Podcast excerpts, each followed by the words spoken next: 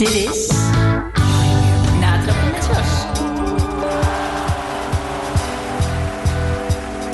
Ja, goedemiddag. Het is weer maandag. Het is eh 4 uur geweest. Dat betekent weer dat tijd is voor een nieuwe aflevering van Natrappen met Jos. Mijn naam is Jos Lemmens. Zoals altijd zijn we er weer samen met Filip. En Filip, allereerst gefeliciteerd met je verjaardag. Dankjewel. Ja, ik denk, Ja, moeten we toch eventjes op de radio meteen, maar eh, niet, kunnen we niet ongemeld laten. Hè? Dus eh, gefeliciteerd met je verjaardag. Eh, mooi dat je er weer bent. Eh, ja, wij zijn natuurlijk vader en zoon. Maar vandaag eh, in de studio, eigenlijk eigenlijk een kopie van ons hè. Hebben we ook vader en zoon in, de in de studio. Ja. Ja, weliswaar in een volledig andere sport dan eh, die wij hebben doorlopen. Maar zeker hartstikke mooi dat ze er zijn. En dan hebben we het over eh, Maurice Bergstein en Sam Bergstein. En eh, ja, voor jullie allebei welkom. Eh, Maurice, even met jou beginnen. Hoe is, hoe is het met je? En even met name in de, in de autobranche. Eh, want je hebt natuurlijk eh, Opel Bergstein hè, en eh, Berg en. Hoe, gaat, hoe is de tijden nu? Ja, de, de showroom is, eh, is gesloten en eh, voor gedeelte loopt dat eh, online. Ja, wat natuurlijk eigenlijk niet, eh, niet ons, ons gebruik is eh, voor, voor service te kunnen verlenen. En eh, dus behelpen, Eh, dus, dus eh, service aan huis, eh, afleveren aan huis indien eh, mogelijk. Ja, het meeste loopt toch al via internet met, met, met, eh, met foto's en filmpjes. Maar, maar ja, goed, het is toch bij een auto zeker eh, voelen, ruiken, proeven. Hè. Ja, duidelijk, duidelijk. Maar misschien iets meer tijd nu eh, voor je Ja. andere passie? Eh, gecombineerd. Dat, dat loopt natuurlijk ook. Dat zet ook allemaal een haken en ogen aan. eh. Dus nee, nee, maar daarom wel feit eh, voor, eh, vanmiddag hier tijd te hebben voor hier te komen zitten even met, Ja. met Sam. Daar zijn wij blij mee. En Sam, ja, jij ook. Hartstikke welkom. Eh, leuk dat je er bent. Hoe is het voor jou met school? Want ik neem aan dat je nu ook veel, veel van thuis uit eh, school ja, hebt. nee, ik zit nu in examenjaar, dus we zitten eigenlijk constant nog steeds op school. Oh, dus nu wel eh, de halve tijd, maar alsnog, online les heb ik niet. Dus, Oh. Oké, dus daar ben je wel blij mee?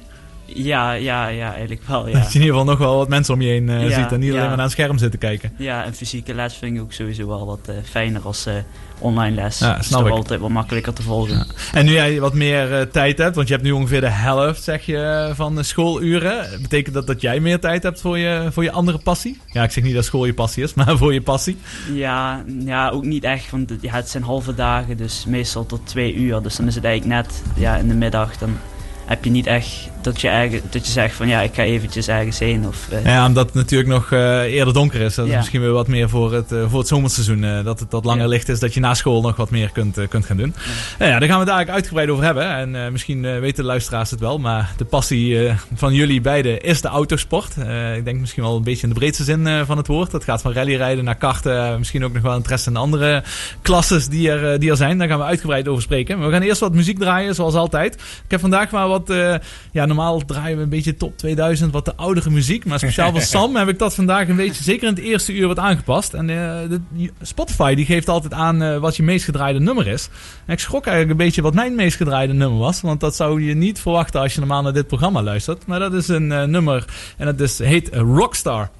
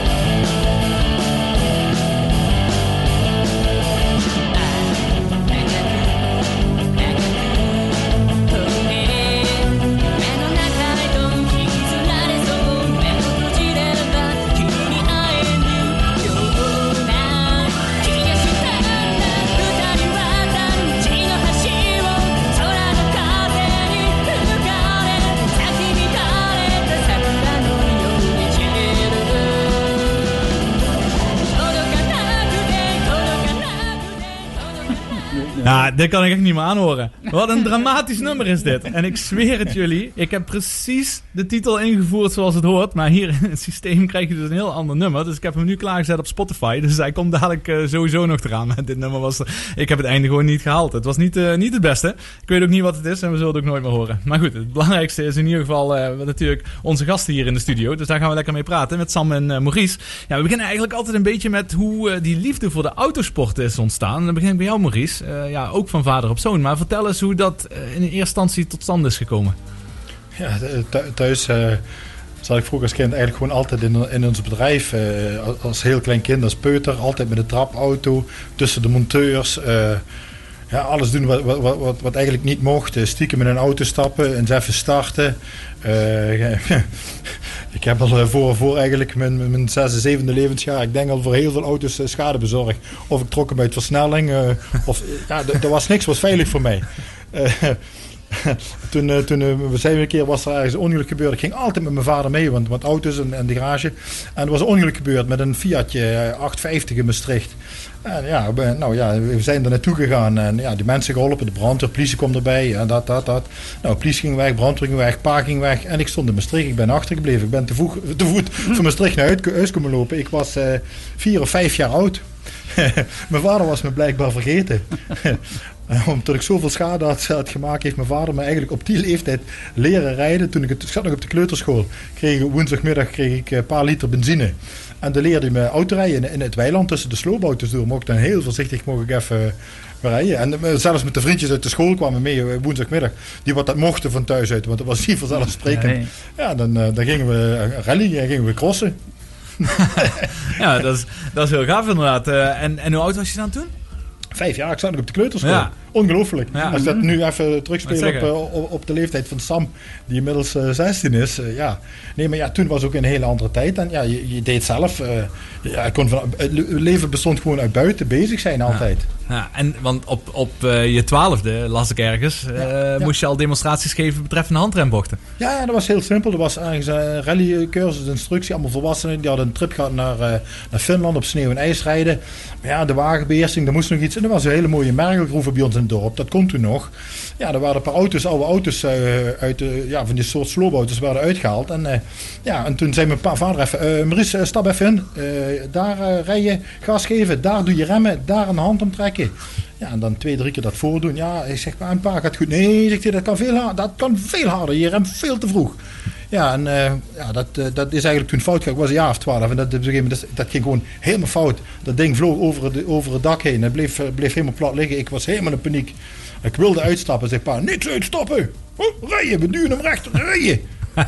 En ja, dat bleek een of andere, een of andere les van hem te zijn voor, uh, voor die angst overwinnen. Ja. Van ja, uh, er is ook een grens aan, er is een limiet in, in iets wat je doet. En, uh, en ja, ik was dus het, het, voorbeeld voor alle volwassenen wat er rondlepen met, met 12 jaar. Ja, achteraf gezien is dat eigenlijk, eigenlijk best apart. Ja. Maar dan, dan heel even ook over jouw vader, want jouw vader heeft echt op het hoogste niveau rally ja. gereden. Ja, die is, die is de hele wereld over geweest. heel veel wereldkampioenschapsrallies gereden. Hij is nu 86 jaar, maar zijn record van aantal punten voor het wereldkampioenschap is pas twee jaar geleden verbroken. Tot iemand uh, meer punten heeft gehaald als, als Nederlander. Dus ja, uh, Indonesië, Canada, wereldkampioenschap in, eh, Griekenland, alles, alles heeft hij gedaan. Maar dat was ook een hele andere tijd. Toen ging je, ja, de wereld was, pas op, ook veel groter als nu. Ja. Nu, nu is het eigenlijk relatief klein, alles kunnen we zo regelen. Maar toen, dat was echt ja, ondernemingen. Mm, snap ik, ja. En voor jou dan, uh, Sam? Want uh, als ik het goed heb, jij bent eerst met verschillende sporten bezig geweest. Ja, ja, ik moet zeggen, ik was wel altijd al geïnteresseerd in autosport. Doordat mijn vader eigenlijk grotendeels altijd bezig was met rally. Of ja, altijd vaak bezig was met rally. En ook mijn oom heeft, dat, heeft daar veel aan gedaan. En uh, ja, dat vond ik altijd wel interessant. Maar ik, ja, toen ik jong was, ja, we gingen vaak naar een huurkarbaan. Maar ja ik, ik deed niet karten of iets als sport. Dat, ja, dat was gewoon meestal voor de leuk gingen we een keer. En uh, ja, ik deed voetballen, golven. Heb, heb ik ook altijd heel leuk gevonden allemaal. En uh, ja, ja, nu ben ik in het kart. En dat, ja. Maar wat is het moment geweest dat je echt zegt van ja, dit is hetgene wat ik, waar ik echt in verder wil? Ja, ik denk dat het eigenlijk altijd al was toen, toen ik mijn vader en, en mijn oom altijd in de rallyauto zag rijden en zoiets. Dat vond ik altijd echt ontzettend gaaf. En ja, ja, ik weet niet of ik, of ik dat later wil doen, dat weet ik nog allemaal niet. Maar Mhm. in ieder geval, de sport zelf vind Ja. ik echt heel gaaf. En ging je ook vaak mee? Kon je eh, meerijden in de, in de rallies? Want volgens mij Maurice ja. zat wel eens op de achterbank. eh, wat, wat ook niet heel verantwoord is misschien achteraf.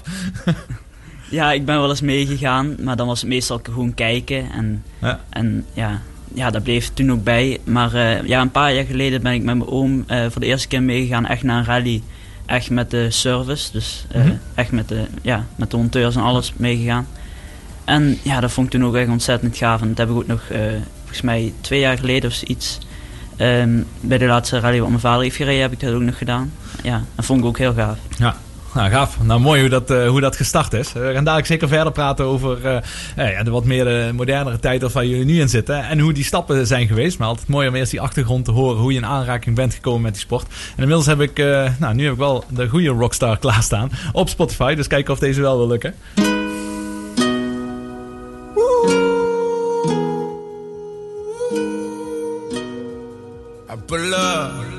I how you pull up, baby? How you pull up? How you pull up? I pull up. Step in the kitchen. Let's go. Brand new Lamborghini, fuck a cop car. With a pistol on my hip like I'm a cop. Have you ever met a real nigga rock star? This ain't no guitar, bitch, this a clock. My Glock told me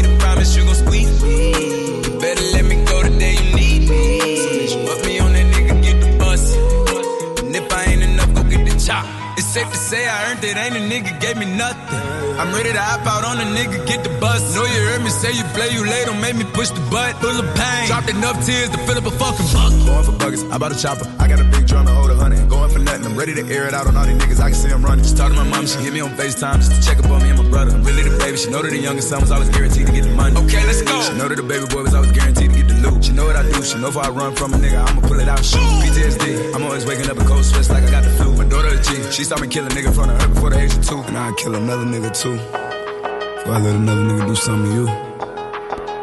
Long as you know that, don't let nobody tell you different that they love you. Let's go. Brand new Lamborghini, fuck a cop car. With a pistol on my hip like I'm a cop. Have you ever met a real nigga rock star? This ain't no guitar, bitch, this a clock. My Glock told me to promise you gon' squeeze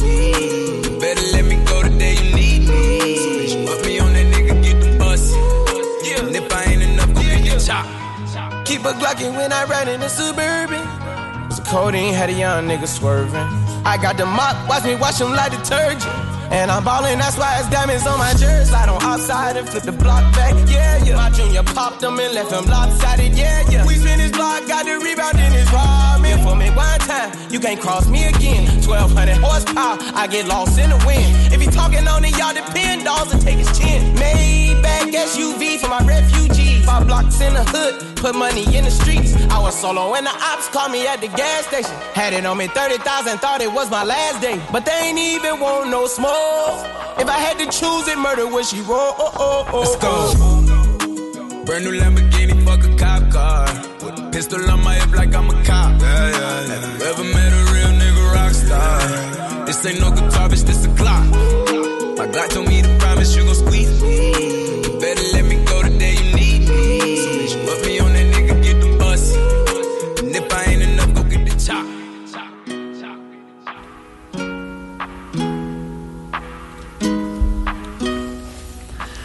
Ja, dat is in de studio Sam en eh, Maurice Bergstein. En eh, Maurice, je zei net al inderdaad over eh, de rally. Er zijn natuurlijk vast en zeker wat gekke dingen gebeurd. Maar als je terugkijkt op je carrière, wat zijn de dingen wat je het meeste zijn bijgebleven?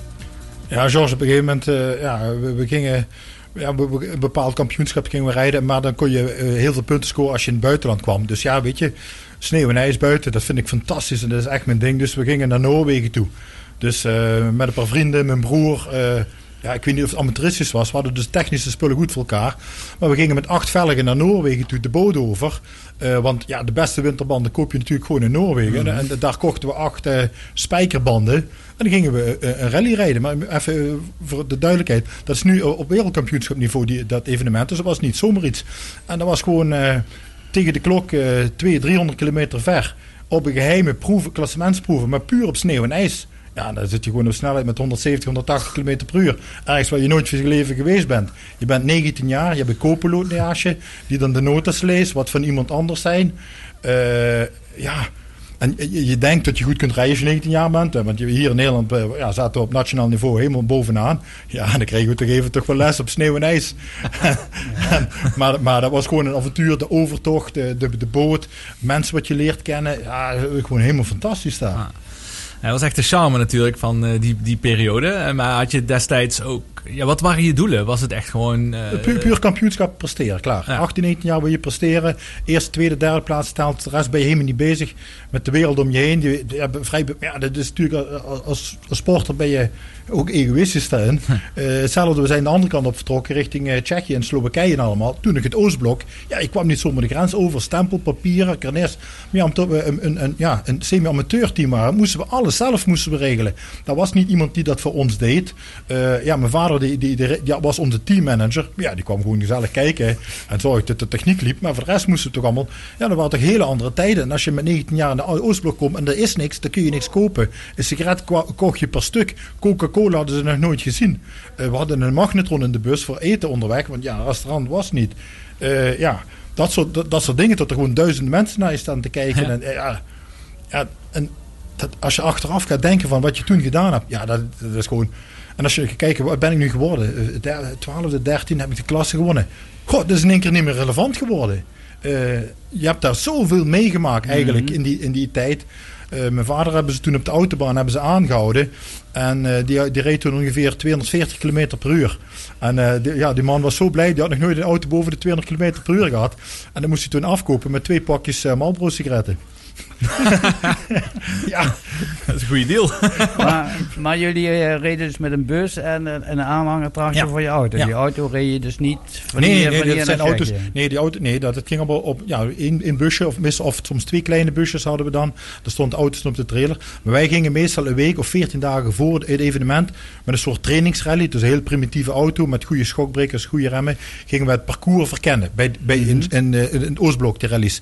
En in, Noor, in Noorwegen was dat niet, was alles geheim. Maar in Oostblok, en dat telde mee voor het Europees kampioenschap, die rallies. En, uh, bijvoorbeeld in het Hoge Tatrakkenbergte.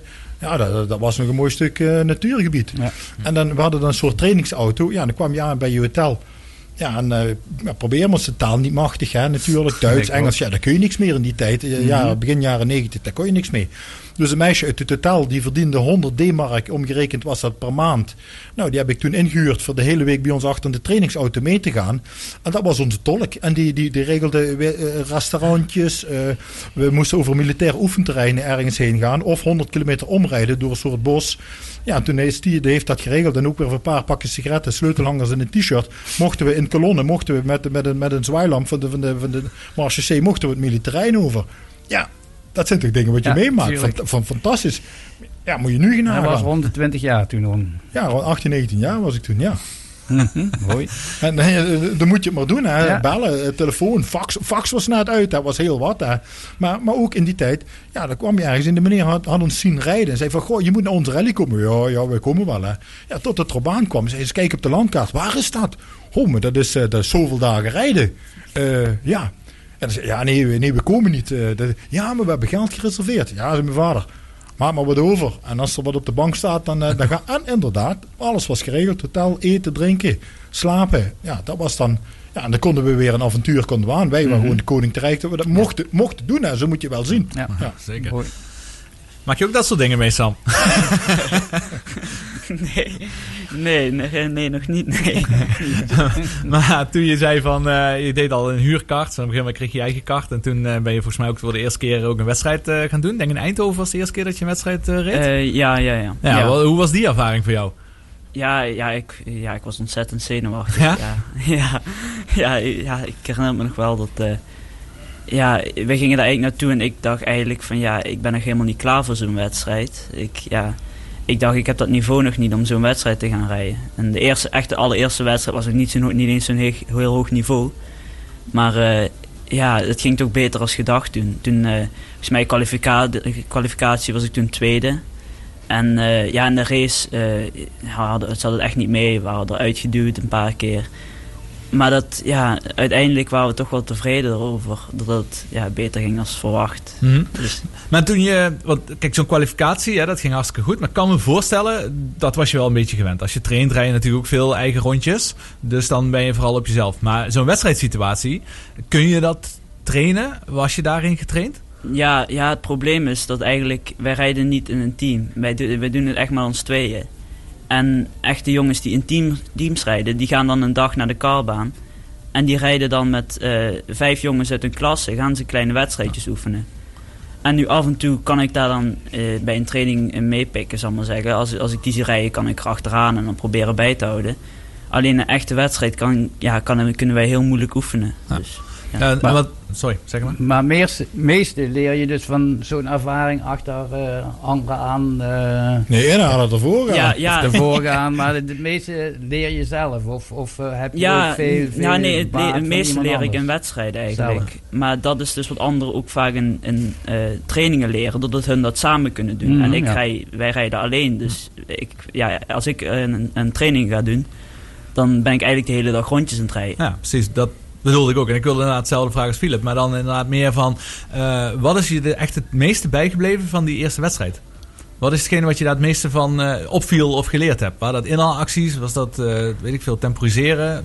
Ja, ja, echt ja, de eerste wedstrijd toen, ja, dat was dan nog op lager niveau. En ehm, ik herinner me, toen, ja, toen werd ik er de eerste wedstrijd, echt de allereerste wedstrijd werd ik eruit geduwd. En toen moest ik ja, terugrijden.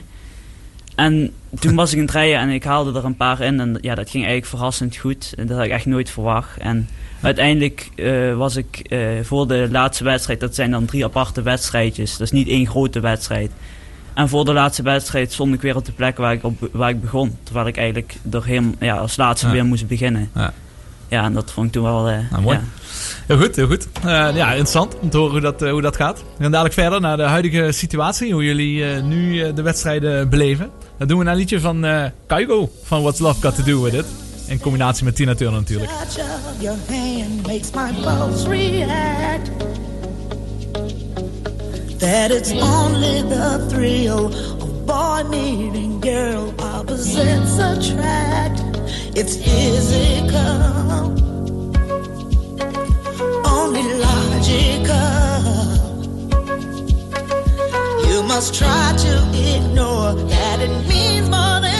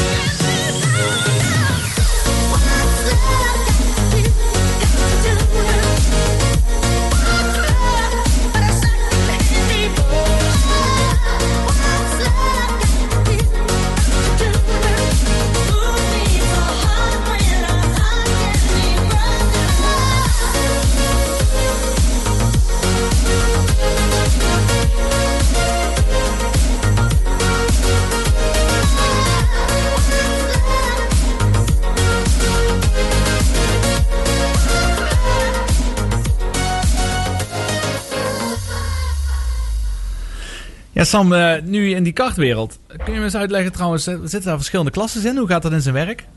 Eh, ja, ja, er zitten verschillende klasses in. is opgedeeld in leeftijden eigenlijk. Hoewel je ook als jongere ook bij de grotere klasses kan meedoen, bij de hogere klasses. En ja, ja, simpelweg is het eigenlijk gewoon hoe hoger de klasse, hoe sneller het gaat. En ja, dat, op het begin rij je eigenlijk met een heel klein motorblok en eh, met hele smalle bandjes, klein chassis is dat. En ja, hoe verder je gaat, hoe, ja, hoe meer dat wordt. Op een gegeven moment heb je ook een schakelklasse, een zes versnellingen. En dat gaat toch wel echt eh, ontzettend hard. Dan kun je op een gegeven moment zelf kiezen om naar een hogere klasse te gaan? Of zou eh, bij wijze van iedereen in iedere klasse kunnen rijden? Ja, dat zou kunnen, maar als je, ja, als je te oud bent voor een klasse, moet je daar, eh, ja, hoe heet dat, eh, Dispensatie. dispensatie voor aanvragen. En eh, ja, maar als je uiteindelijk, bijvoorbeeld nu ben ik eh 16 en eh, ik ben nu eh, ja, voor, in principe verplicht moeten overstappen naar de volgende klasse. Ja. Omdat ik anders niet op, eh, mochten we hoger, echt het he- eh, hoogste niveau bereiken, dus het WK-niveau, dan mag ik niet daar aan meedoen. Oké. Mag ik wel nationale wedstrijden meerijden, Mhm. maar hoger niveau mag dat dan niet. En de jongens waar je tegen rijdt, ik neem aan dat het vooral jongens zijn. eh, die, welke leeftijd hebben zij? Ja, ongeveer hetzelfde. hetzelfde dus. Ja, Ja, ja. Dus dat is allemaal wel gelijk getrokken. Want je bent wel iets later begonnen met eh karten vergeleken met veel andere jongens in die kartsport, toch? Ja, ja, ja, dat is op, op zich best wel moeilijk. Doordat, ja, nou, dan loop je, heb je eigenlijk een achterstand als je begint. En eh, ja, die zijn we in- eigenlijk aan het inhalen. En nu, nu afgelopen seizoen, is dat eigenlijk Ja. weer een soort van rechtgetrokken. Die ging weer goed. Ja, want Maurice, toen, je, toen jullie eh, serieus gingen karten, dus met de wedstrijden en alles, en jullie doen alles zelf, eh, het onderhoud, eh, was jij wel helemaal bekend daarin? Ja, ik heb jaren 80, begin jaren 80 voor mijn, mijn rallycarrière ben ik ook begonnen met karten. Omdat het gewoon de basis is voor de autosport. Alle begrippen komen in elke facet, zelfs in de Formule 1 komen, nog, komen er nog in terug. Ja, je moet natuurlijk niet de fout maken tot je alles weet eh, van vroeger. Eh, dat, dat, dat, is, dat een groot fout. Dus dat is dermate geëvalueerd, die sport. Dat kun je niet voorstellen. Dus ik ben eigenlijk bijna van nul af aan begonnen. En dat is niks anders dan de ogen openzetten, de oren openzetten. Heel veel in de paddock rondlopen, kijken. Eigenlijk voordat we de wedstrijd is doen, heb ik, heb ik gewoon even ja, eh, alleen maar rondgelopen, kijken, vragen, leren. En dat, dat geldt nu ook eigenlijk nog altijd in de sport. Dat ik tot op iedere keer in de wedstrijd weer, weer stapjes maak. Het is ook een financieel punt gewoon dat het onbetaalbaar is om bij een groot team te staan. Het leukste zou inderdaad het beste zou zijn bij een groot team. Maar ja goed, eh, aan de andere kant ben ik ook trots op onze vader-zoon relatie, eh, hoe, we- hoe we doen. En eh, ook qua leeftijd, ja, eh 7, 8 jaar, die, die autosport, wat verdorie, je leven is nog lang genoeg. Er is ook nog andere dingen. Hij heeft heel leuk gevoetbald, teamsport is iets, iets heel anders. Golven is, is, is prachtige sport om te beleven. En, eh, en nu als autosport, kijk, het voordeel nu is op oudere leeftijd, hij neemt meer op. Als we iets doen en we testen iets, hij begrijpt gelijk waar het over gaat. Eh, ik kan hem een vraag stellen en ik krijg een antwoord. Wat voel je? Wat denk je? Wat kunnen we anders doen? De bandenspanning, eh, sporing afstellen. Het motortje loopt die goed. Hè? Want soms als kinderen als iets in de lucht zeggen, het motortje loopt niet. Ja, dat, dat kun je tegenwoordig. We hebben ook data, net als bij de. Formule 1, kunnen we allemaal uitlezen. Dus we, ja, en ook wat hij zegt, op één jaar tijd hebben we eigenlijk dat, dat, dat al die jaren terug ingehaald. Ja. Ja, en eh, daar ben ik ook een beetje trots op, dat dat, dat, dat geluk is. Zeker. Want hoe ziet zo'n eh, raceweekend eruit, Sam? Eh, Hoeveel dagen zijn dat? Van vrijdag tot eh, zondag is dat. Vrijdag beginnen we met training. Ja. Dat is meestal niet verplicht. Dus als ik bijvoorbeeld geen vrij van school kan krijgen, dan moeten we die helaas missen. Maar eh, ja, meestal rijden we die wel. Eh, op zaterdag heb je dan ook in de ochtend tot de middag trainingen. Ehm ligt wel aan welke wedstrijd. Je hebt ook bij, vaak bij een wedstrijd tot de zaterdag en de zondag een kwalificatie en een wedstrijd is.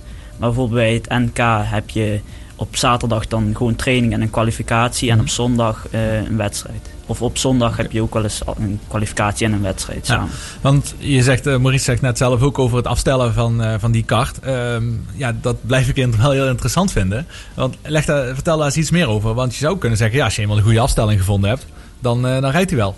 Ja, was het maar waar. Eh, Soms hebben we trainingen gehad op vrijdag en dan, eh, ja, je kijkt altijd naar rondetijden. Maar de rondetijden zijn niet- altijd eh voor doorslaggevend. Om tot, eh, dat zie je ook bij de Formule 1. De baan is dan iets sneller in de ochtend en in de middag is hij weer iets trager. Dus je moet ook kijken, eh, loop je in op de concurrentie, loop je uit op de concurrentie, op het rechte stuk of gaat hij juist in de bochten, lo- loopt hij in. Nou, dan heb je denk ik de perfecte afstelling gevonden.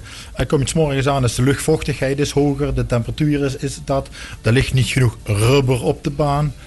En eh, ga je rijden in een keer, ja, stuurt voor geen meter. En eh, wel even duidelijk zijn, eh, eh, vier tiende van een seconde verschil betekent 20 plaatsen naar achter. Eh, in, de, in de grotere wedstrijd zijn soms over de 50 deelnemers in de klasse, tot 50 en 60. En ja, aan de wedstrijd mogen dus maar 36 meedoen, klaar. En de rest kan naar huis. Dus die kwalificatie is dermate belangrijk. Ja, en, maar dat geldt dus voor iedereen, die, die, bepaalde handicap van ja, s'avonds was hij goed en vanmorgen niet meer. Eh, in eerste instantie was het natuurlijk in het begin moeilijk. Dan denk je, goh jong, eh, ben je nog niet wakker, te laat kunt slapen, wat is het? Ja, nee, eh, de afstelling moet anders. eh. en dan, ja, dan, dan komt weer de ervaring kijken. Dan kijk je om je heen, eh, heel veel afkijken, spieken. ja, Ja, tuurlijk. ja.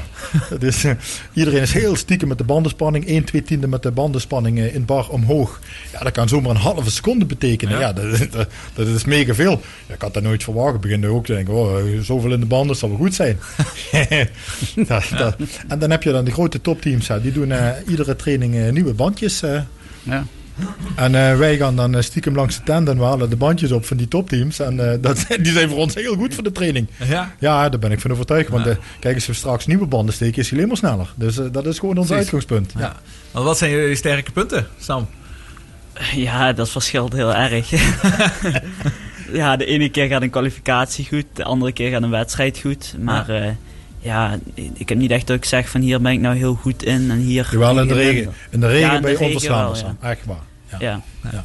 Maar is het ook het spel wat jullie hebben, die, ook die vader-zoon eh, relatie, dat jullie misschien elkaar nog net wat beter kunnen aanvoelen dan eh, andere teams over eh, afstellingen?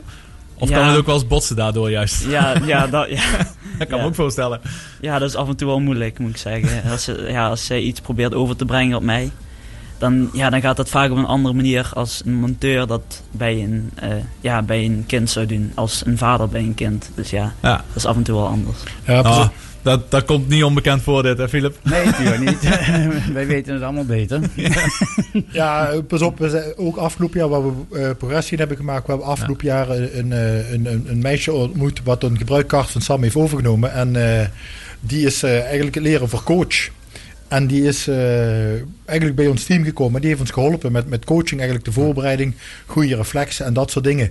Dat is, vergroot, dat is nu eh, voor een gedeelte uit mijn handen genomen. En een stuk makkelijker dat ik me meer op de techniek kan, kan, kan, kan focussen. En ja, ja dat maakt het wel. Dat, dat geloof ik zeker wel. Hè? Het is toch, eh, als je hoort wat er allemaal bij komt kijken, hè, om dat echt met z'n tweeën te doen. Eén rijder, één monteur en coach en begeleider En kok, en, en kok ko- en, koken, en ja. huiswerkbegeleider, Ja, ja. et cetera. Dat is natuurlijk wel heel veel eh, wat er dan bij komt kijken. Jullie Ja. hebben totaal geen eh, externe sponsors. eh, van Ja, de- wel, uh, uiteraard. Pas op. Nee, nee, we hebben, Toch. we hebben wel een aantal sponsors die, die ons... eh, de- dat, is, dat is privé gewoon niet op te brengen. Kijk, we hebben thuis eh, ook een eh, heel fijn bedrijf. En ik kan niet eh, in het bedrijf eh, de broekriem aantrekken... en dan eh, lopen feesten op, op, op, een, op een kartbaan. Dat, dat, dat past zich niet. Mhm. Dus we hebben wel eh, echt heel apart buiten de, dingen, buiten de zaak om... een, een, een sponsorpot waar een aantal eh, leuke bedrijven ons ondersteunen... En we inderdaad ook weer van allerlei eh, zaken terug doen eh, ja, ja. qua marketing voor een bedrijf. Mhm. Ja. Oh. Heel goed, we gaan nu even naar wat muziek luisteren. Dadelijk eh, gaan we al beginnen met het MVV-blokje. Dan doen we normaal een tweede uur. Maar vanwege de tijd met, met onze gast die we gaan bellen, Steven van Appenven, doen we dat even in het eerste uur. Want daar is ook wel weer een en ander gebeurd natuurlijk het afgelopen weekend. Prisoner, prisoner, locked up, can't get you off my mind, off my mind. Lord knows I tried a million times,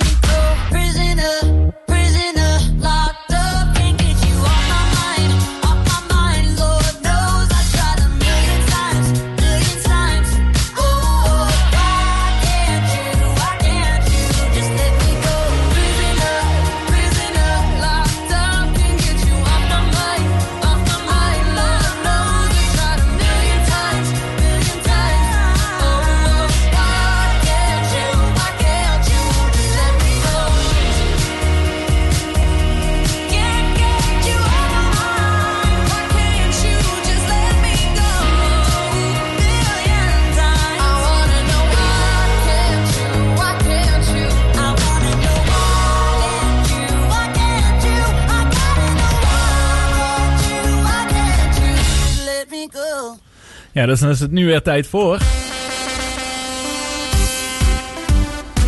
Ja, en aan de telefoon, Stefan van Appenven, die heb ik even geleend van de Vrij Mibo Show, want die kon een paar keer achter elkaar eh, niet. Viel wat ongelukkig met de feestdagen, maar eh, Stefan, welkom, goedemiddag.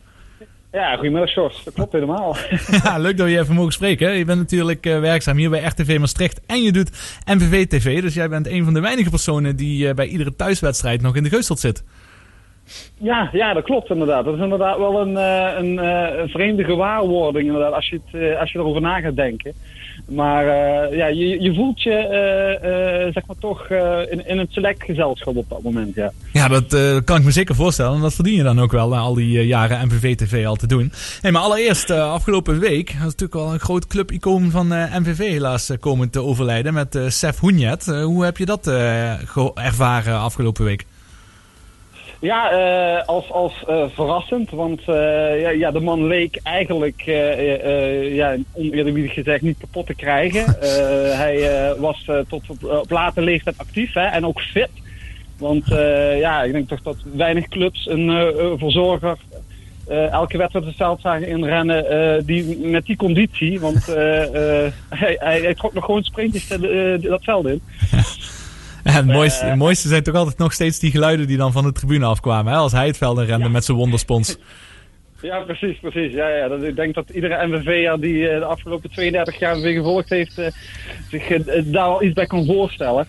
Ja, en, en het, het, het, wat, wat mij vooral opviel is, eh, ja, ik doordat ik met MVV TV natuurlijk veel in contact ben met die spelers van de afgelopen seizoenen, is dat die massaal hun eh, medeleven en hun eh, verdriet hebben getoond op social media over het overlijden van, van Cunha. Ja, precies. Denk je dat er nog iets eh, voor hem nog verder gaat gebeuren? Ik zag eh, van Angels side nog wel een mooie, mooie sfeeractie eh, eh, bij, de, bij de, hoe heet het ook weer, de gasthouderij. Was dat? De gasthouder, Ja, eh, denk je dat er nog meer dingen aan zitten te komen voor hem?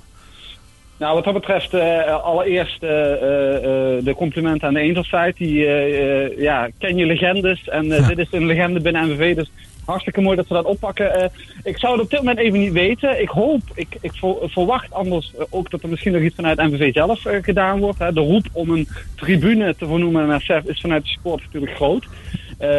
Ik weet niet of MVV daar aan gaat, maar eh, ja, op dit moment eh, is, eh, is, is, ja, goed, kunnen we wel stellen dat met al die acties van de afgelopen week en al die steunbetuigingen, dat het wel duidelijk is dat, eh, dat er bijzonder iemand voor de club is overleden. Absoluut. En dan ja, gaan we even terug naar de wedstrijd van afgelopen vrijdag.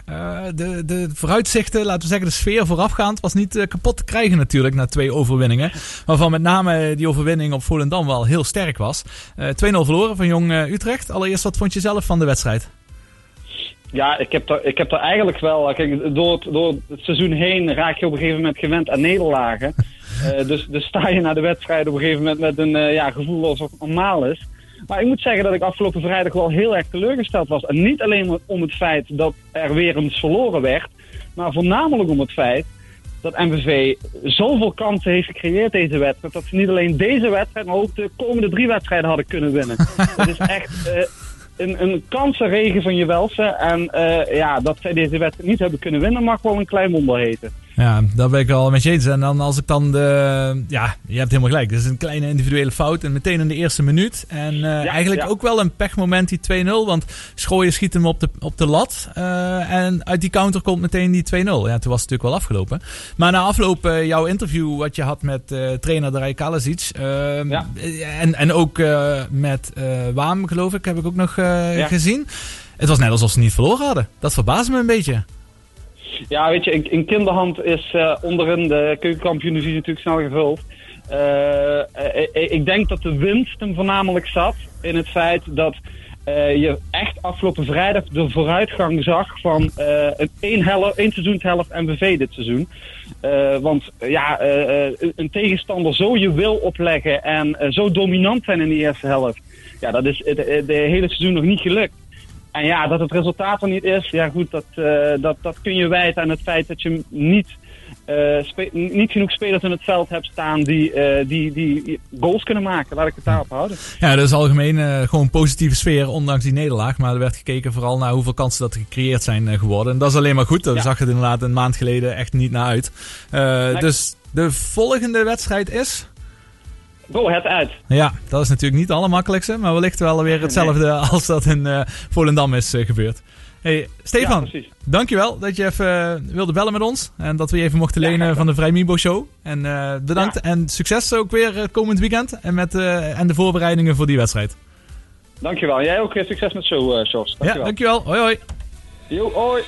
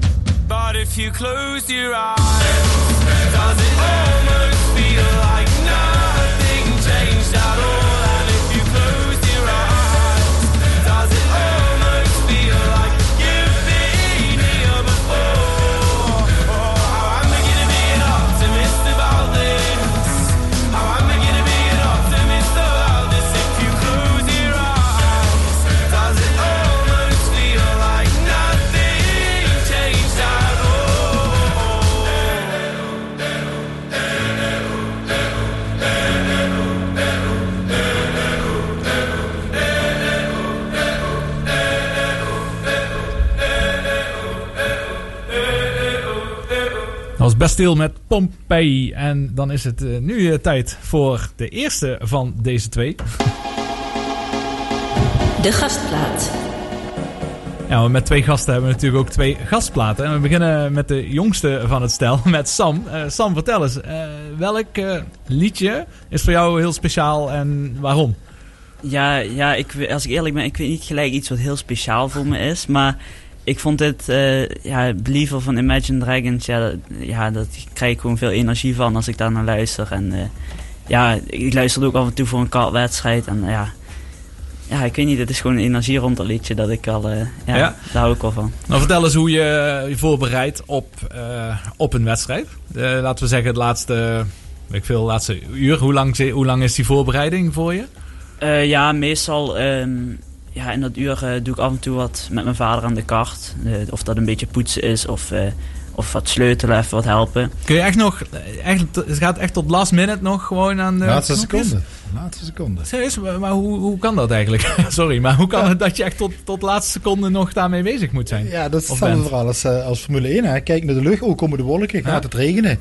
50% kans op regenen, blijft het droog. Ja, maar de, eh, kijk, in een Formule 1 auto heeft een versnellingsbak. Eh, wij werken met tandwielen. Eh, bij regen hebben we hele andere tandwielen nodig. Ook andere banden uiteraard. Maar ja, dat, dat matcht gewoon niet. Heb, je regenbanden en niet het goede tandwiel, dan rij je, dan rij je heel ver achteraan. Ook al ben je de snelste. Dus Nee, de, de, daar, daar, daardoor ontstaan wel enige meningsverschillen. Want soms zeg ik van ja, het gaat, het gaat regenen, 100%. En dan zegt hij, ja, maar ik, ik geloof het niet. Gaat, eh, volgens mij blijft het droog. Ja, en, en dan, wa- wat doen de anderen? Eh, gaan we naar de anderen kijken? Ja, ik zeg niks naar anderen kijken. Eh, op de buienradar. Eh, wat hebben we nog van app? Ja, en, eh, eh, zo, ja dat, is, dat is wel het meest zenuwslopende. Kijk, eh, heerlijke zonnige dag is niks. Ja, dat is, eigenlijk- ja, dat is easy going. Maar dat is ook net de charme van de sport. Hè. Dat, dat, dat, en als je dan als enigste, en, dat, en daar zijn we dus afgelopen eh, jaar één keer gruwelijk te mis in gegaan, waar, waar hij eigenlijk zijn eerste echte hele grote overwinning had kunnen boeken, dat we gekozen hadden voor eh, slikbanden. En eh, het was nog nat. En de laatste ronde in de kwalificatie, als we één ronde meer hadden kunnen rijden, dan waren we meer dan twee seconden sneller als, eh, als al die andere 36 deelnemers wat op regenbanden stonden. En we waren de enigste op sliks. Ja, mooi. Ja, dat kan dus En- ook gebeuren inderdaad. Die kan, kan er twee Ah, kanten opvallen. Ja. En dan, dan, dan is het vaderzoen momentje. Ja, eh, ja. dat kan me voorstellen, Sam. Dan zit je in die auto en dan ben je in het rijden en denk je, oh, wat hebben we gedaan? Ja, ja dat zeker, ja. dan is het een lange race, denk ik, op die manier. Ja. Maar oké, maar even terug naar het onderwerp inderdaad van eh, die voorbereiding van je. Want oh, als je tot last minute bezig bent, heb je niet echt tijd om jezelf echt af te zonderen? Of gebeurt dat ja, net? ik, eh, sinds ik eigenlijk een eh, personal trainer heb die mij wat ja, helpt, fysiek en mentaal, Mhm. ehm, gaan we meestal ongeveer een kwartier van tevoren die- aan die voorbereiding beginnen. Een kwartier voordat we eigenlijk naar de crit toe moeten. En ehm, ja, daar doen we dan wat fysieke oefeningen en zoiets. En, eh, maar meestal hou ik dan wel in de gaten of mijn vader, eh, waar hij mee bezig is, eh, of, of de regen aankomt. En als dat zo is, dan, ja, dan, dan ga ik even naar mijn vader toe en dan kijken of het wel goed gaat. Ja, precies. Ja.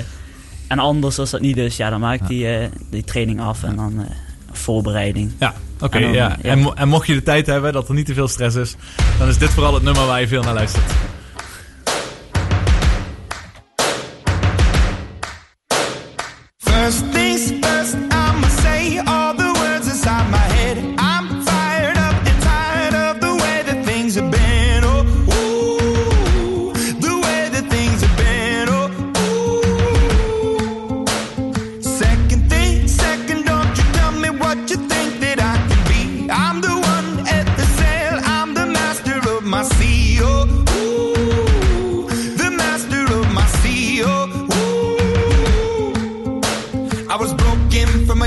Taking my soak into the masses, writing my poems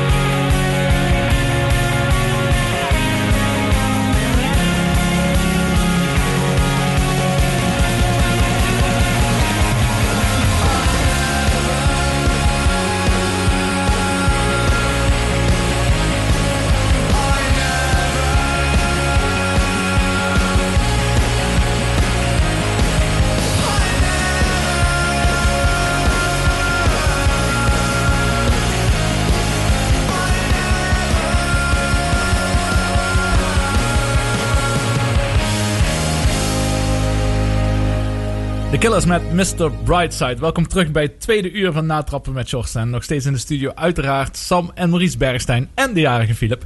Eh, dat moeten we ook niet vergeten, dat Philip nog steeds jarig is, de hele dag nog. Eh, Sam en eh, Maurice, ja, we hebben al heel veel gehoord over jullie in het eerste uur hoe het eraan toe gaat. Maar laten we zeggen, Maurice, jij hebt al het verleden meegemaakt. En Sam, jij maakt het heden mee. Wat zijn echt de grootste verschillen nu tussen vroeger en nu? Ja. Waar moet je beginnen? je hebt een heel uur nog. E- Eigenlijk is het gewoon zo, in, in, in de autosport en het rally gebeuren, eh, en eh, zeker als ik terugkijk naar de periode ook van mijn vader, was het, alles wat je deed was een avontuur. Eh, je, kon niet van tevoren alles 100% plannen, want ja, je wist het niet, je kon het ook niet opzoeken en alles. En, het gemak tegenwoordig van het internet, heel veel dingen wat je kunt terugvinden, zelf opzoeken, maakt het allemaal makkelijker, maar misschien ook wel mi- minder leuk natuurlijk heel veel dingen eh, is gewoon transparanter geworden. Ja, en dat, dat- zag je gewoon vroeger niet. Eh, Maar ja, goed. eh, elke tijd heeft gewoon zijn, zijn leuke dingen en zijn charmes. hè. Dat klinkt een beetje oudbollig gezegd. Ja, vroeger was alles beter. Dat is absoluut niet zo. Nee. Nee, ja, zeker qua resultaten niet. Want door die technologie wordt natuurlijk ook beter gepresteerd was, wellicht dan, dan vroeger. En, maar voor jou Sam, als je de verhalen wel eens hoort van je vader, denk je dan dat had ik wel willen meemaken? Of ben je juist blij dat je in deze tijd aan het racen bent? Ja, van de ene kant had ik wel willen meemaken. Maar van de andere kant denk ik ook van ja, dat is een beetje gekke werk. Als ik, als ik eh, hoor wat, eh, ja, wat hij allemaal eh, erover vertelt. Ja, wat, Ook mijn opa, ja. ja, ja, maar wat, wat komt op mij een beetje over dat die rallyperiode, wat je toen deed, dat het echt, ja, het was het hoogste niveau. Maar het lijkt niet alsof het, alsof het echt een professionele sport was. Jawel. Maar jawel. ja, dat was Ja. het wel. Maar, maar proeft dat niet anders? Omdat al die avonturen eromheen en, eh, noem maar op. Ja, het, het klinkt alsof, alsof tegenwoordig natuurlijk iedere sport zo geprofessionaliseerd is. Omdat er allemaal veel geld in omgaat. Of omdat er Ja. veel meer geld in te verdienen is. En eigenlijk dat bedoel ik vooral. Ja, eh, kijk, in de, jaren 70 toen mijn, toen mijn vader eh, eh, rally ging rijden, echt toen het de snelheidssport werd, werd er gewoon een oude, oude lesauto wat hij had ingehaald, die werd er omgebouwd, er werd een rolkooi in gemaakt. Eh, die motor die werd uit elkaar geschroefd, die werd opgevoerd. Hij ging rijden, hij ging bij de bandenboeren Maastricht langs en kreeg hij een paar banden kreeg hij cadeau. En hij werd Nederlands rallykampioen, heel wat. Maar er waren ook allemaal automerken die, die, dat, die dat gewoon deden ondersteunen. Er waren echt teams. Maar hij, hij ging. En, en, wij- en je kon Nederlands kampioen worden. Eigenlijk nu, nu ondenkbaar. Dat, dat, dat, nou, Dan kun je een heel groot huis verkopen. Wat, wat een jaar. eh, Ja. Nou, een paar huizen verkopen. Wat een jaar Nederlands kampioenschap rallyrijden zou kosten. En dat, dat sluit ook op de vraag van. Ja, ja wat, wat, wat zijn je ambities? Ja, eh, dat wordt moeilijker en moeilijker gaat, gaat dat worden voor de toekomst. En eh, ja, pakken we de tijd veel korter, dan is het veel leuker. Ja, want Philip, als ik aan jou vraag. Wat, welke rallyrijders ken jij? Internationale grote namen? Bergstein. Ja, Bergstein, sowieso. En Ja, die namen. Ik, ik kijk wel eens rally. En ik, ik weet niet of je dat ook rally kunt noemen nu. Dakar. Ja. Dat is eh, topsport, hè? Dat is, Nee, nee, nee, eh, dat, dat- dat, is, dat is eigenlijk de enige facet in de autosport waar, ik- waar ja, niks meer wil ik niet zeggen. Maar ehm, kijk, eh, eh, rally-autosport is een gevaarlijke sport. En een bepaalde eh, mate van gevaar kun je incalculeren. En ik merk gewoon, en dat zie je dus ook bij zo'n Dakar-rally. Het is onmogelijk dat gevaar wat er is, dat schuilt in het dingen. Het parcours, dat is zo, zo sumier weergegeven. Van de Nederlandse eh, rijders zijn er, is alleen maar de jongens van Coronel zijn eigenlijk nog over. Mhm. De rest zijn allemaal, eh, allemaal maar echt zwaar gecrashed. De truc zwaar gecrashed. Ja. Ja, dat, is, dat is niet voor mij de definitie van autosport. Da- Daar hou ik niet van. Ik volg het wel. Ik vind het ook fantastisch en heel knap hoe ze het doen. De achterliggende gedachte, hoe het vroeger begonnen is. Primitief, zelf je, zelfvoorzienend, eh, zelf sleutelen. Ja, dat, dat vind ik fantastisch. Maar ja, dat, dat, dat is ook niet meer. kan niet meer ook. hè. Ja, en, en heel veel echte top rallypiloten van, van heden ten dagen, die proberen dit Dakar ook te doen. En de meesten gaan gewoon maken de zwaarste ongelukken, omdat je eh, eigenlijk maar op 60, 70 procent van je kunnen kunt rijden. Hè? Kijk, Formule 1 jongens die rijden op, eh, op, op 99,9 procent van hun kunnen. Mhm. Is er iets, hè? leg je een steentje, een steentje op het circuit, vliegen ze er vanaf. Zo, zo op de limiet rijden die. Een rallycoureur die rijdt, want die moet ook veiligheidsmarge in, indienen, die rijdt op 90% van zijn kunnen. Dus ja, als je dan gaat kijken naar zijn Dakar. poeh. Ja, en, en de jongen wat er mee rijdt, die, die Sebastian Leup, ja, die, die is wel eens een keer bij ons op bezoek geweest op vakantie. Ja, die, die, die is toch zes of zeven keer geloof ik samen wereldkampioen Negen geweest. keer. Negen keer wereldkampioen geweest. Ja, die, die rijdt er mee. Maar die kan ook geen potten breken. Die, die komt daar niet aan te pas, omdat er veel meer ja, dingen omheen zijn. Mhm. Maar eh, vroeger werd er regelmatig rallies eh, uitgezonden op tv. En ik ben daar in het begin heel vaak naar gaan kijken. Tot, wij, tot ik toen een mini reed. En de Mini Cooper die won de Monte Carlo Ja. zoveel jaar achter elkaar. Dus daar ben ik dan wel in die tijd wat geïnteresseerd geraakt in rallies. Maar dat zie je bijna niet meer op tv. Hè? Ja, nee, pas op, we moeten niet, niet uitvlakken. Eh, in België is er nog heel veel eigenlijk in de dorpen. Maar ja, er is in die dorpen voor de rest niks te beleven. De, de lokale brandweer, handelvereniging, voetbalvereniging mag een barbecue opzetten, een feesttent maken, mag entry heffen. En die zijn blij dat dat is. Kijk, een milieuoogpunt. In Nederland mag eigenlijk niks meer. En we kunnen ook niks meer van elkaar verdragen. Is er een wielerwedstrijd, zijn ze, al, al- allemaal, Ja. zijn ze niet blij? Is er, weet ik wat, is er een dorpsfeest, eh, is er, is er, over, is er hinder? Ja, dus dat, dat is eigenlijk een sport wat bijna uitsterven is. Ja, en dan krijg je zo gekke dingen tot ze, tot ze ja, in een woestijn kun je naartoe gaan. Precies. Ja, want eh, bij jou Sam, eh, daar is natuurlijk de professionaliteit misschien wel aan de andere kant een beetje doorgeslagen. Heb je dat gevoel niet? Heb je, heb je het idee dat eh, jouw concurrenten, zal ik ze dan even eh, noemen, hebben die niet allemaal het gevoel van wij gaan hier, eh, wij willen allemaal Formule 1 gaan rijden?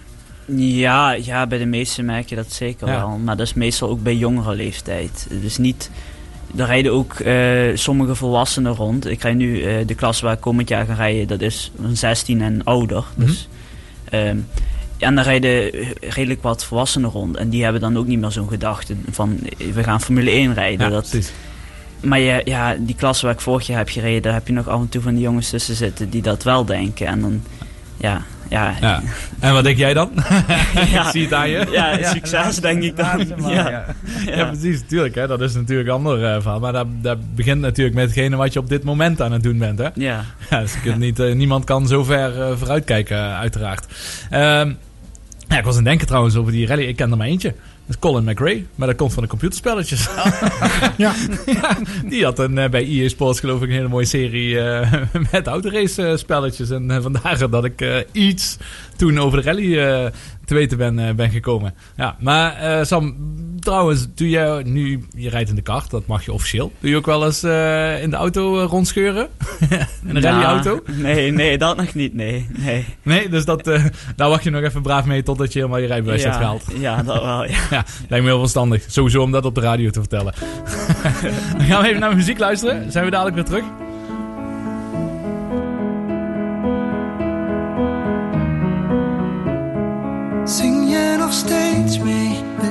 Van Marco? Tot de buurman klaart.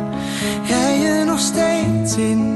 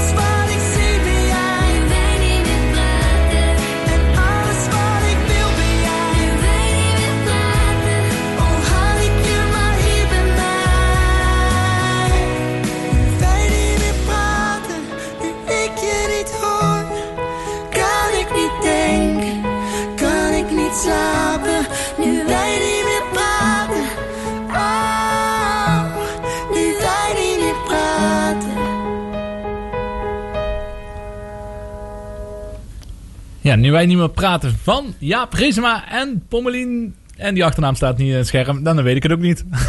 Sam, weet jij het? Begot geen idee. Nee, ik ook niet. maar goed, dat maakt verder niet uit. Laten we het even hebben over wat eh, overige sport. Want nu het jaar langzaam maar zeker begonnen is, eh, komt er toch wel steeds meer wat andere sport eh, in beeld. En ook op beeld natuurlijk. Als eerste, ja, Sam, jij hebt altijd gevoetbald zelf. Ajax, PSV. Heb je dan een voorkeur? Die wedstrijd gisteren? Geen van beiden. Geen van beide. En wie blijft er dan nog over? Eh, Voor, voor je? nou, denk ik toch wel PSV hoor. Want eh, ja, ik ben voor Feyenoord Ja? eigenlijk. Oké. Ja, dus dan ben je automatisch tegen Ajax. ja, nee, ja, nee, ik ben niet zo'n diehard fan. Dus, Nee, oké, eh, oké. Heel goed. Maar ik- Philip, jij hebt gisteren die hele wedstrijd gekeken. Hoe vond Ja. je het? Ja, ik vond het best wel aardig. Ja. Zeker tot PSV eh, heel makkelijk op 2-0 kwam. Ja. Want ik ben ook eerder voor PSV als voor Ajax. maar toen voelde je toch langzaam maar zeker aankomen dat ehm, Ajax wel terug zou komen. En ik had zelfs nog het idee dat Ajax nog zou gaan winnen. Maar Ja, maar het was ook eigenlijk tot, eh tot Ajax niet goed was, dat PSV. Die, dat in het begin, ja, ja, ja, dat was het niet door het fantastische spel van, van, van PSV. nee, nee, nee. Maar ze kwamen met 2-0 voor. Als- mooie combinaties tussen Mooie eh, combinaties Malen en, eh, en- Griekse en- spits. Of eh, Israëlische jongen. is Israël, het, hè? ja, Sorry, ja. Dus eh, Dus dat was wel goed om eh, goed te kijken. Ik vond het wel verrassend trouwens dat pas in januari eigenlijk de eerste topper gespeeld is geworden. ja, maar dat hadden ze zo gepland. Hè? Ja, precies, maar Omdat toch. men dacht dat in januari weer publiek eh, toegelaten kon worden. En dan Ja. op een paar weken tijd eh, die mensen plezier te doen. Ja, dus nu komen er wel een paar eh vooraanstaande wedstrijden langs in de komende weken. Maar nog zonder publiek. Ja, dat, dat blijft natuurlijk. Maar in ieder geval voor de stand in de Eredivisie is dat natuurlijk wel eh, goed. Dat eh, die toppers nu ook langzaam tegen elkaar beginnen te spelen. Eh wellicht dat er wat grotere verschillen komen, want het zit nog heel dicht bij elkaar. Ja, Als je een klein voorspellingje zou gaan doen op dit moment, einde van het jaar. Ik, ik, denk, ik denk Ajax, maar met tegenzin. Jullie? Nou, dat durf ik niet te zeggen, nee. Nee? dat weet ik echt niet. Ja, dus zal de geluksfactor van, Mm, van ja, Ajax zijn. hè. Die hebben toch heel veel goede dingen. En ik moet zeggen, die Onana, dat is wel, wel even een Oh. keeper. Hè.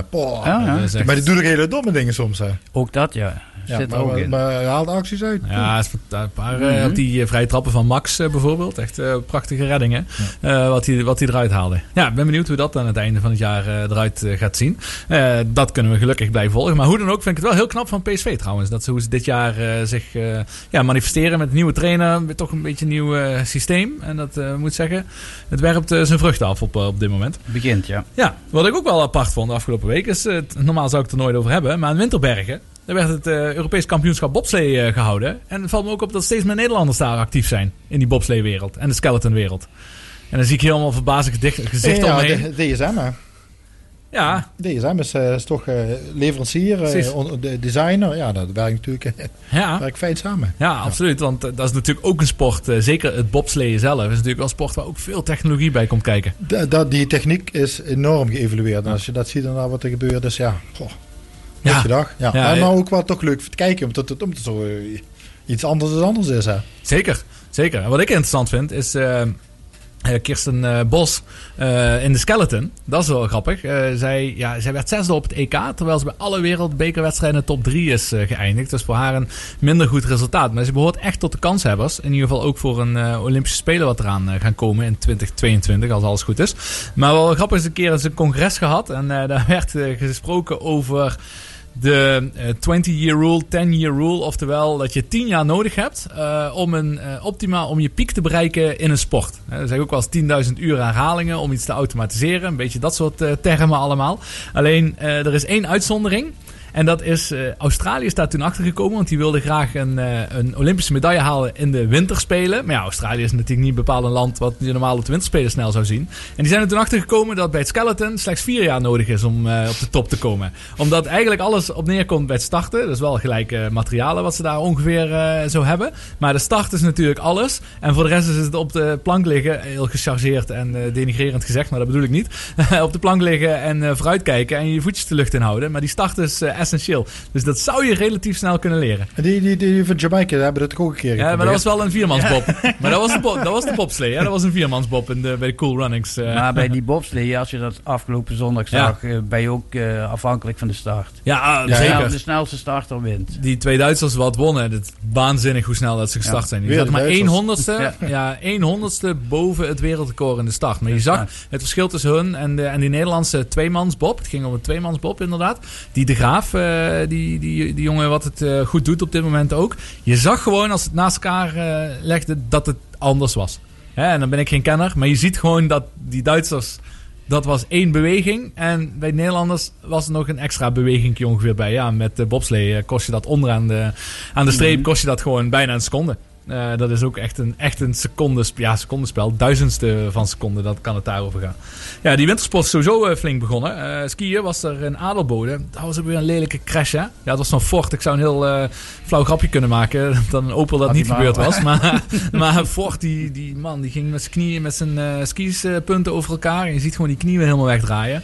Ja, dan kijk ik echt weg hoor, als ik dat soort beelden zie. Maar was ook nog knap van die toeschouwer die net over, zijn, eh, over die ski heen sprong. Goh, ja, die had ook lelijk geraakt kunnen worden. ja. Zonder meer. Had een been kwijt kunnen zijn, ja. Eh, maar dat doet ook een Nederlander mee tegenwoordig. Mijners.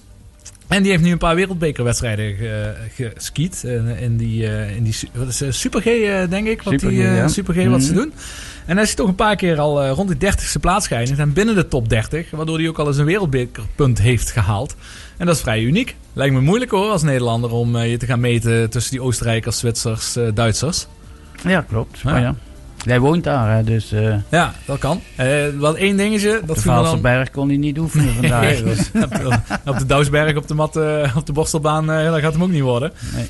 Maar, maar maar één dingetje wat me dan wel weer opviel, uitspraak wat hij had. En dat vond ik wel grappig, maar ook wel heel typisch. Ehm, hij wil heel graag de Olympische Spelen halen, lijkt me logisch. 1952 is de laatste keer dat een Nederlander eh, Olympische Spelen heeft eh geskiet. eh, in een afdaling of in een slalom of een super G of welke discipline dan ook. Nicolas Sauerbrei heeft natuurlijk Olympisch goud gehaald. Dat was op de op snowboard. Maar hij wil graag naar de Olympische Spelen. Alleen, de NOC-NSF, de richtlijnen of de kwalificatie-eis... die, dan moet je één keer in de top 8 eindigen of twee keer in de top 16. En hij is nu met ja, kunst en vliegwerk eh, eindigt hij netjes 30. op die 30ste plek. Maar hij is nu erg teleurgesteld in die eis van de NOC-NSF. Want hij zei, ja, dan sta je wel heel ver weg van de Olympische gedachte. Dus als je niet mee kunt doen, dan gaat het er opeens om dat meedoen belangrijker is als winnen. Maar als de NOC-NSF iedereen zomaar zou sturen, bij wijze van, nou, dat, dat kun je toch ook niet verantwoorden. Ik vind wel, ik snap wel van de NOC-NSF dat ze enkel medaillekandidaten willen sturen naar een Olympische Spelen. Omdat het natuurlijk ook mega veel geld kost. Mhm. En om eh, die concurrentie zo, eh, zo scherp mogelijk te houden. Ja, maar als je, als je 20 kandidaten hebt, dat je zegt ik leg de lat eh, behoorlijk hoog, zou ik het begrijpen. Maar van de andere kant zeg ik ook van ja, Olympische gedachten, jongens, geef hem eens een kans. Hè. En eh, kijk, als je, als je de, de keer bij bent geweest, heb je zoveel ervaring op gedaan. Daar word je ook alleen maar beter van voor eventueel een volgend eh, kandidaat. Ja, dat is waar. Hè? Dat- Die ervaring zal eh, inderdaad ongelooflijk zijn. Het seizoen is nog niet voorbij. Er komen natuurlijk nog een paar aan. Misschien dat hij zich nog iets kan verbeteren en dat er nog opnieuw naar gekeken zal worden. Maar ik denk wel dat hij zich nog ruim moet verbeteren. Wil die echt, echt kans maken om naar de Olympische Spelen te gaan. Ja, Sam, volg je veel andere sporten? Eh, ja, Of kijk je veel sport? niet. Nee, ja, nee, niet echt veel, nee. Nee, dus, nee dus als jouw computer open staat, zijn het van, is het voornamelijk eh autoracen. ja, ja, eigenlijk wel. Ja. Ja? mooi. Zijn dan echt alle klasses wat je volgt? Nee, ja, ik volg vooral rally, Formule 1, eh, af en toe Formule 2. En Ja. ja. Dat is het eigenlijk, zoiets. Nou, nou, dat lijkt me wel eh, genoeg, want de race eh, duurt ook redelijk lang. En eh, het is ook niet één dag zoals jullie ook doen. Dus ja, dus gelukkig zijn er weer andere sporten. Ehm dat is ook weer goed om te volgen. Wintersport ook weer wat anders. Hè? Ik bedoel, niet altijd zo thuis in de wintersport, maar het is wel goed om dat te volgen. Nou, we gaan even luisteren naar een liedje van Was Made for Loving You van Kiss natuurlijk. En dan komen we daarna weer terug met Sam en Maurice.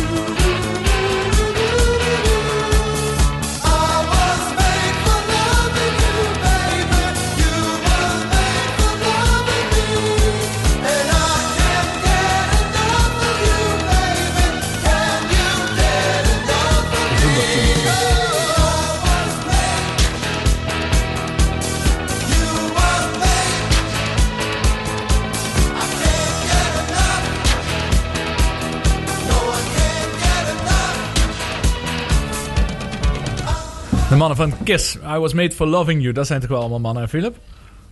Waren dat mannen? Nee, de mannen van Kiss. Ja, die waren allemaal eh, flink verkleed.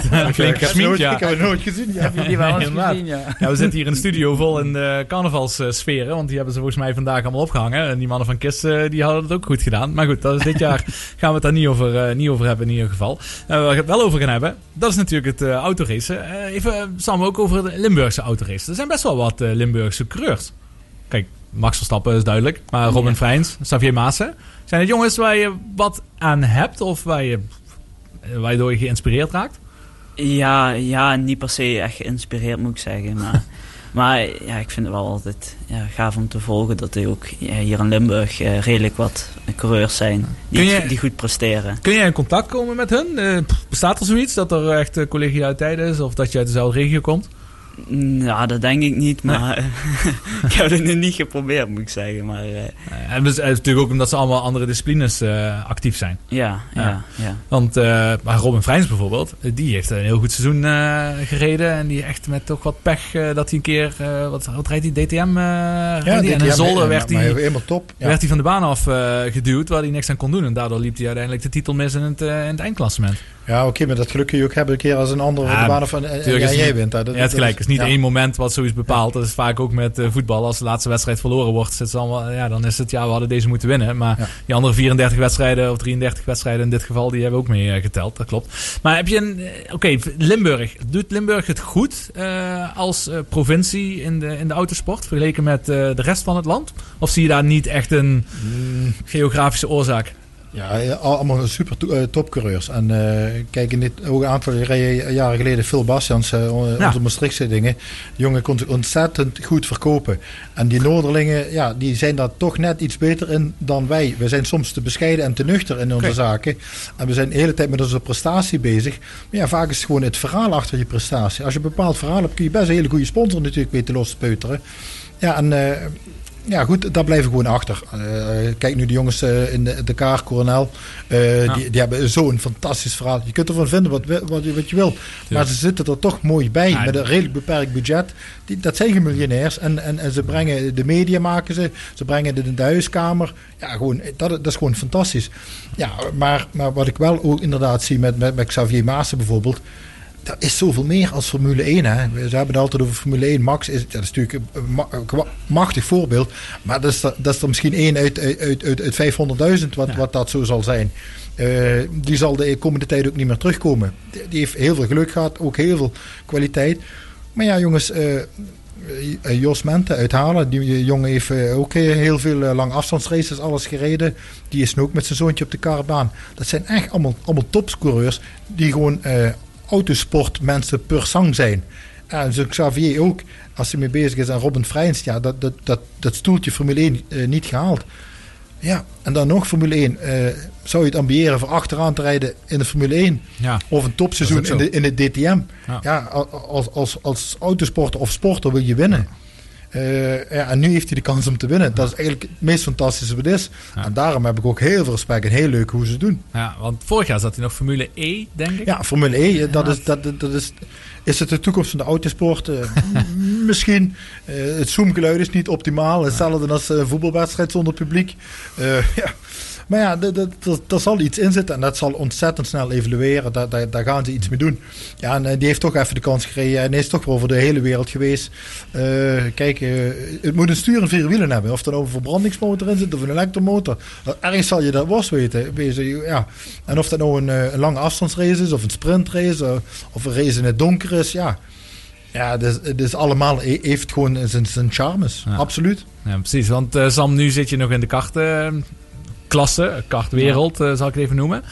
Tot hoe lang, hoe lang zie je jezelf nog in die kartwereld actief zijn? Ja, eh, ja, tot we het niet meer leuk vinden, denk ik. En, eh, en ja, als er, ja, als, ja, ik denk dat, dat, wel, dat we dat zelf wel merken. En ja, nu hebben we nog heel veel plezier. en ik denk ook wel dat als we de komende jaartjes nog verder zouden gaan, dat dat ook wel zou blijven. Maar ja, dat ligt er ook aan hoe het gaat. Want welke stappen kun jij nog maken in die kartwereld? Wil je nog graag maken? Voordat je eventueel naar iets anders zou gaan kijken. Ja, qua klasses zijn er niet echt eh klasses waarvan je zegt van... eh, die moet je gedaan hebben als je hebt gekart. Dus in principe is dat niet eh, noodzakelijk of iets. Maar ja, ja, ik weet niet. Het is ja, moeilijk om in te schatten. Ja. Ja, want eh, de grote clichévraag van iedere interviewer is natuurlijk van eh, waar sta je over vijf jaar? Ik denk dat ik wel een beetje weet wat, wat voor antwoord ik ga krijgen. Maar als ik die vraag zou stellen aan jullie. Eh, kijk, op het moment dat we... Nu ben ik monteur, Annex, papa die sleutelt en, en begeleidt. Het mooie zou zijn, en dat heb ik toevallig ook met, met, met, eh, de collega dan Jos Menten, die wat met zijn zoontje ook bezig is. Zeg, goh, eh, je kunt, je kunt het, het rallypad inslaan. Ja, kijk, rally heb je een coureur, een, de coureur die aan het stuur draait en daarnaast de navigator. Ja, kijk, Sam is ook een coureur die aan het stuur wil draaien. En het ook best al heel goed zou kunnen. Dus ja, daar een, echt de samenwerking iets te doen. Nou, dan blijft er misschien eens een keer eh, eh, eh, races over. Meer uur races. Hè, dus een lange afstandsrace. Zes uur. Nou, een, een, een, een hele leuke tourwagen raceauto hebben. En dan naar het circuit trekken. Of naar Francorchamps. Nürburgring. Dat soort dingen. Nou, da- waar we eigenlijk weer, weer terug samen dingen kunnen doen. Ja, dat, dat zou ik heel leuk vinden. Om te- en dat heeft ook natuurlijk met bu- budget te maken.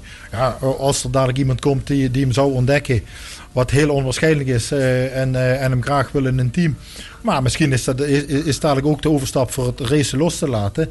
En als eh, ingenieur of monteur te werk gaan voor Sam in een heel mooi autosportteam. En, dan, en dan de wereld overtrekken.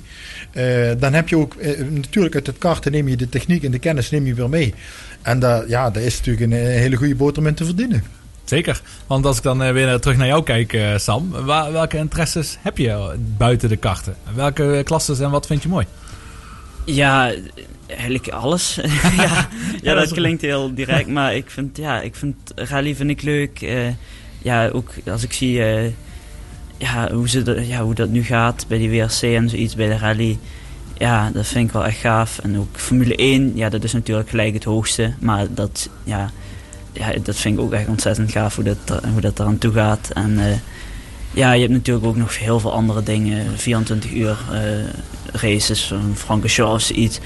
Dat vind ik ook allemaal heel gaaf om te kijken. En, en ook ja, de verschillende auto's te zien. En, ja, bizar hè, want dat zijn zo'n grote verschillen. Tussen wat je even opnoemt, of je ja, Formule 1 of rallyrijden of een 24 uur Ja. race van Le Mans. Dat, dat is niks met elkaar te vergelijken. ja, ja. Ja, er zijn toch even overeenkomsten. en Dat, dat, dat moet, je, moet je niet uitvlakken.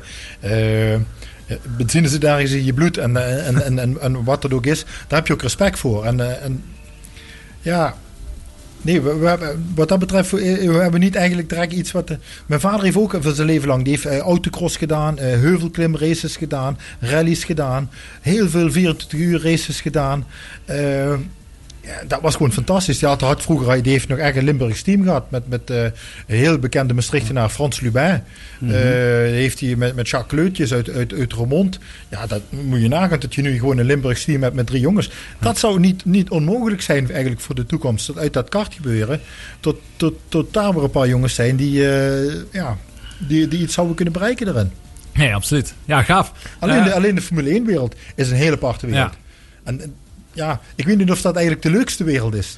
Ik geloof het eerlijk gezegd, geloof ik niet. kan me ergens wel iets bij voorstellen. Het is zo groot, zo professioneel en zo allemaal eh, geregisseerd ook... eh, dat het soms misschien een beetje de charme van de sport eh, gaat verliezen. Die, die heeft hij al verloren. Ja. Oké, ja, dan- met deze conclusie gaan we weer even wat muziek luisteren. Luister naar YouTube, City of Blinding Lights. En daarna gaan we terugkomen met de sportmomenten van de week. Altijd een leuk momentje, vind ik zelf. ja, eens kijken wat eh, onze gasten en Philip en ikzelf hebben uitgekozen van de afgelopen week. Maar eerst dus YouTube, City of Blinding Lights.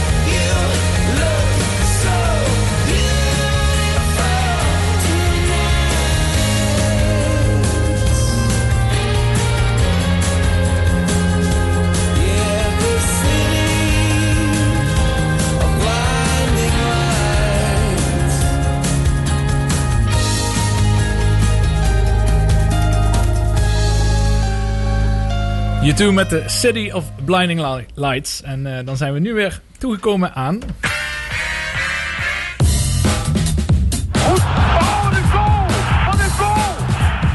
Timmetje, Timmetje, wat ga je doen? En hij staat! Ik staat! Het is ongekend! Daar gaat hij Ippon en neemt hem over. Goud is er voor Mark Huizinga. Het sportmoment van de week.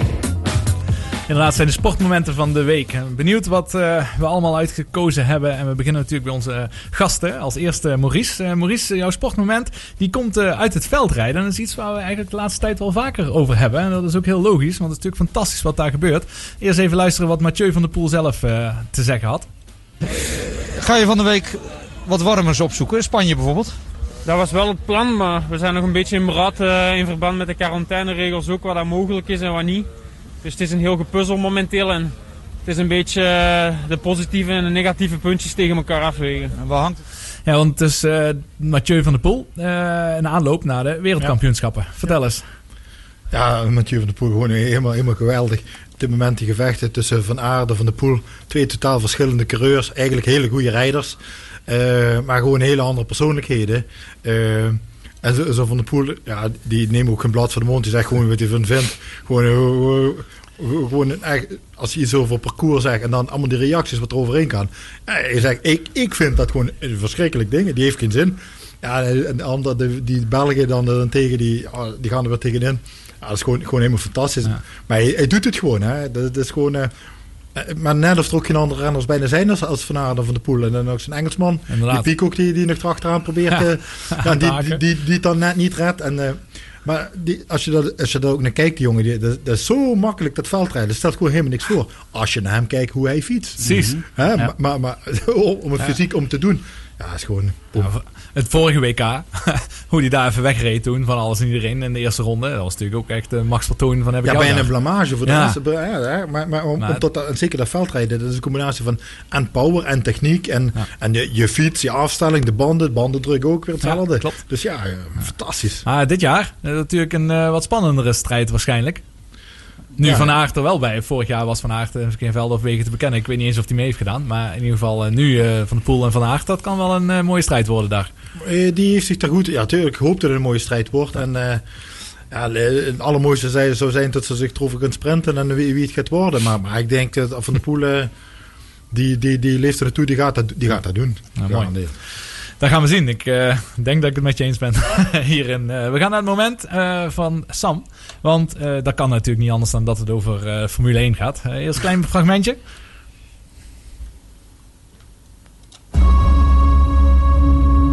Waar het om draait is dat je gas geeft in die auto. En dat is een gaspedaal, een rempedaal en een stuur. En zo makkelijk denk ik er uiteindelijk ook over. Max is gekomen waar hij nu is door één persoon en dat is Jos. Moet ik zelf schakelen of doet hij dat automatisch? Je, je bent een coureur. Hij weet dat ik alles ervoor gegeven heb om dit te bereiken. En hij doet dat nu.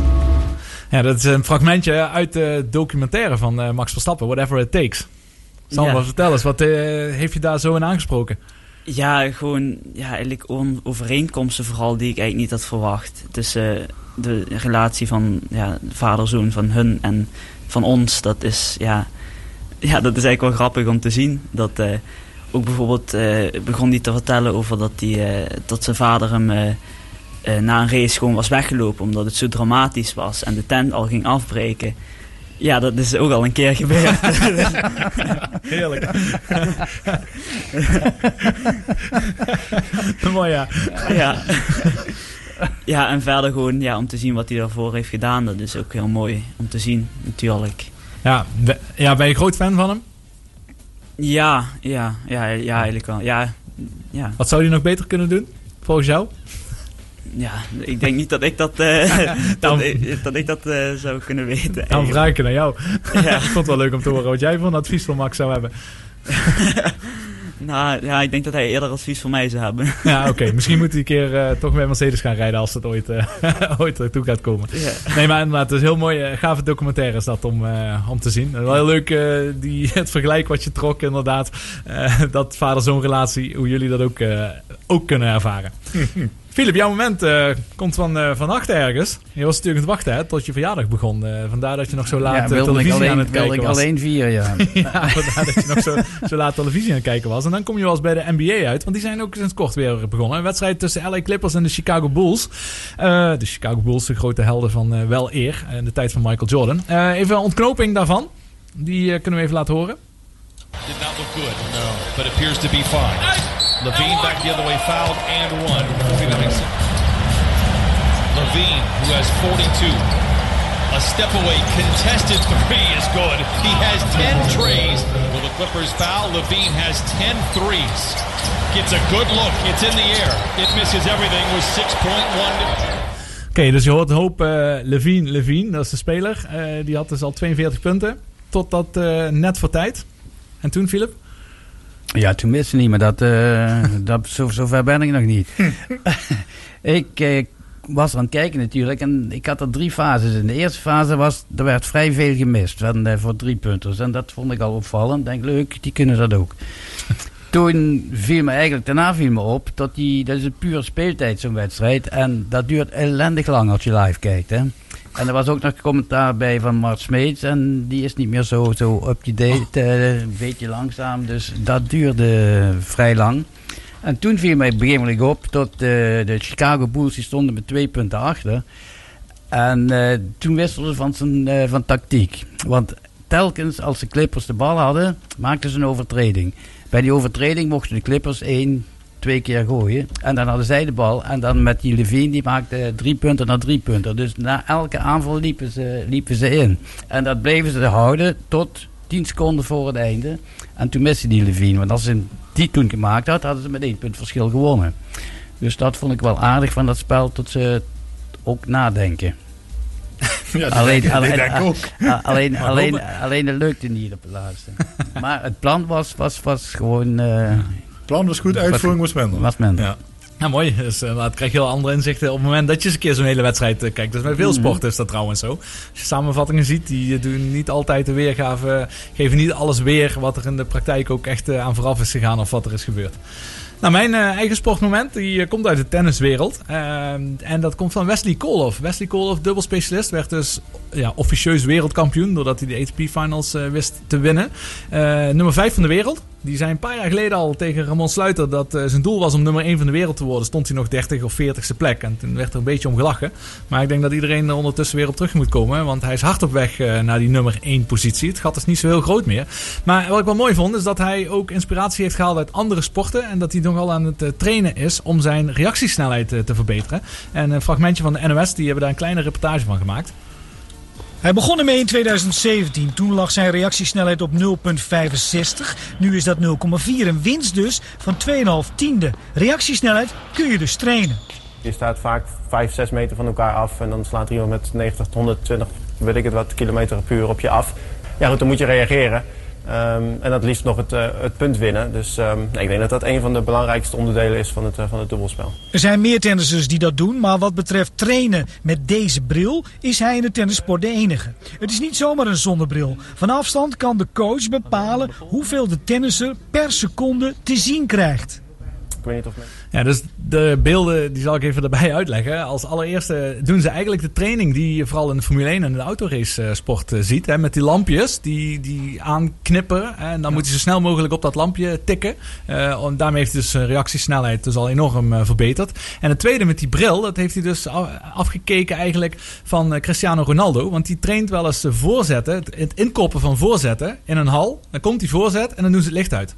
En dan kopt hij toch die bal erin. Dus hij ziet die bal vertrekken. En dan gaat het licht uit. En dan moet hij puur op gevoel en op reactie. eh, op het juiste moment die bal alsnog inkoppen. Nou, en als je dan, dan met die eh, ja, camera's ziet die, die night shift eh, eigenlijk erop hebben. Dan zie je dat hij ze allemaal hartstikke zuiver inkopt. En hij heeft nu zo'n zonnebril. En die zonnebril die knippert dus ook. Dus daar kan zijn coach hem op zwart zetten. En dan weer open. Dus hij ziet een bal aankomen. En opeens verdwijnt zijn zicht. En dan kan hij wel even terugkomen. Maar hij weet het van tevoren niet. En op die manier moet hij dus ook precies de baan van de bal en de timing inschatten. Zonder dat je continu eh, zicht hebt. Vond het wel een heel mooie manier om eh, te trainen. En ik dacht, eh, zeker als jullie de gast, te gast zijn. eh, ik zie bijvoorbeeld Pierre Gasly van tevoren altijd trucje met de tennisballen doen. Dat is trouwens een hartstikke leuk spelletje om dat eens een keer uit te proberen. Maar daar moet je natuurlijk ook wel wat op trainen, op die reactiesnelheden. Ja, dat doe ik toevallig ook voor een training. Maar Met die tennisballen? ja, Ja. ja. Ja, ja, ik zeg niet dat het zo soepel gaat als bij Gasly. Hij Maar is wel heel snel, hij is heel snel, ja. Ah, nu met zijn handen wel. Nee, maar eh, ja, ja, het is wel, het is wel gaaf hoe ze dat kunnen trainen met die, ja, met zo'n, ja, het zijn eigenlijk hele simpele oefeningen. Ja. Ja. Wel heel efficiënt trouwens. Eh, Ik heb ook wel gemerkt hoeveel progressie we ermee hebben gemaakt. Voor, de, voor, inderdaad, voor hem rustig te krijgen voor de start. En dan eh, even die spelletjes met die, met die, reflexen en alles doen. Ja. Ja, precies. Een focusmomentje is het. En daarbij Ja. inderdaad ook om je lichaam eh, gewoon een wedstrijd klaar te krijgen. Eh, want ik denk dat het niet alleen voor de start goed is, maar ook, ook in de wedstrijd zelf heb je ook van dit soort split seconds waar je continu beslissingen moet maken. Dat, daar is deze training ook gewoon goed voor. Ja, je moet eigenlijk reageren voordat er iets gebeurt. Hè. Ja. Dat, maar dat, ja, dat, dat, kun je ook, dat moet je gewoon trainen. En dat, je ziet gewoon iedere sport gaat verder en verder voor, voor, voor dat te inderdaad. verbeteren. Ja. En het mooie vind ik dan toch dat dan ook kruisbestuiving plaatsvindt. Dat eh, ook zo'n Wesley Koloff, die in de top van de wereld hoort in het dubbel, ook naar andere sporten kijkt eh, en, en vice versa. En dat ze van elkaar leren en daar goede dingen uithalen. Dus dat waren de sportmomenten van deze week. We doen even een kort liedje van eh Davina Michel. Eh 2,5 minuut zijn we weer bij je terug. Want we gaan al langzaam weer richting het einde van deze aflevering.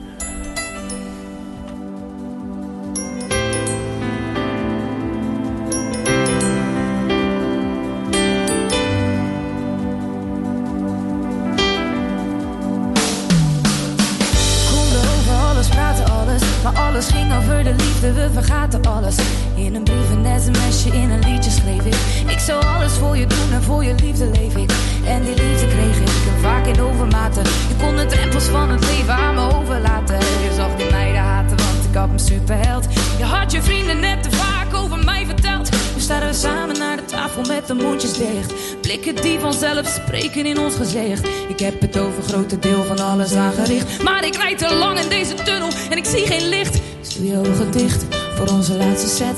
En denk terug aan het kleine huisje met het kleine bed. Shit. Maar morgen is de pijn terug. Staan we uren op de hal, daar rijdt de trein terug. Het duurt te lang. We staan hier al een tijdje. En we moeten door, dus voor de laatste keer. Het het duurt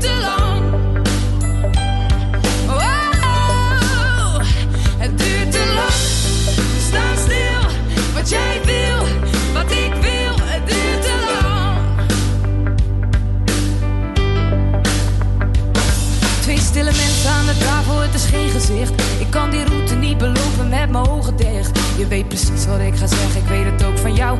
En op het eind vertel ik vast hoeveel ik van je hou. En daarna slaan de deuren weer en breekt er weer een glas. Daarna valt er weer een traan en pak ik weer mijn tas. En daarna hou ik je weer stevig vast. En leg mijn kleren weer terug in de kast. Dus ik hou je nog een poosje vast.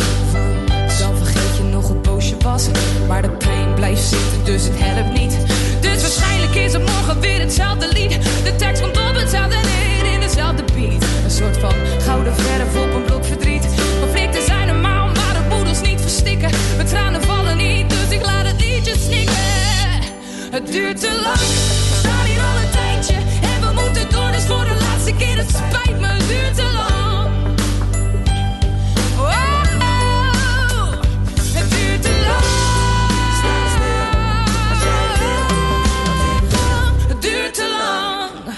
Davina Michel met het duurt te lang. Ja, de uitzending duurt zeker niet te lang eh, wat ons betreft. Duurt eigenlijk meestal wat te kort. Eh, dus ik ga bij deze alvast eh, mijn gasten bedanken. Sam en Maurice, superleuk dat jullie hier waren en nog steeds zijn. Sam, vond je een beetje leuk? Ja, zeker. Ja, hoe was je debuut op de radio? Was spannend of viel het mee?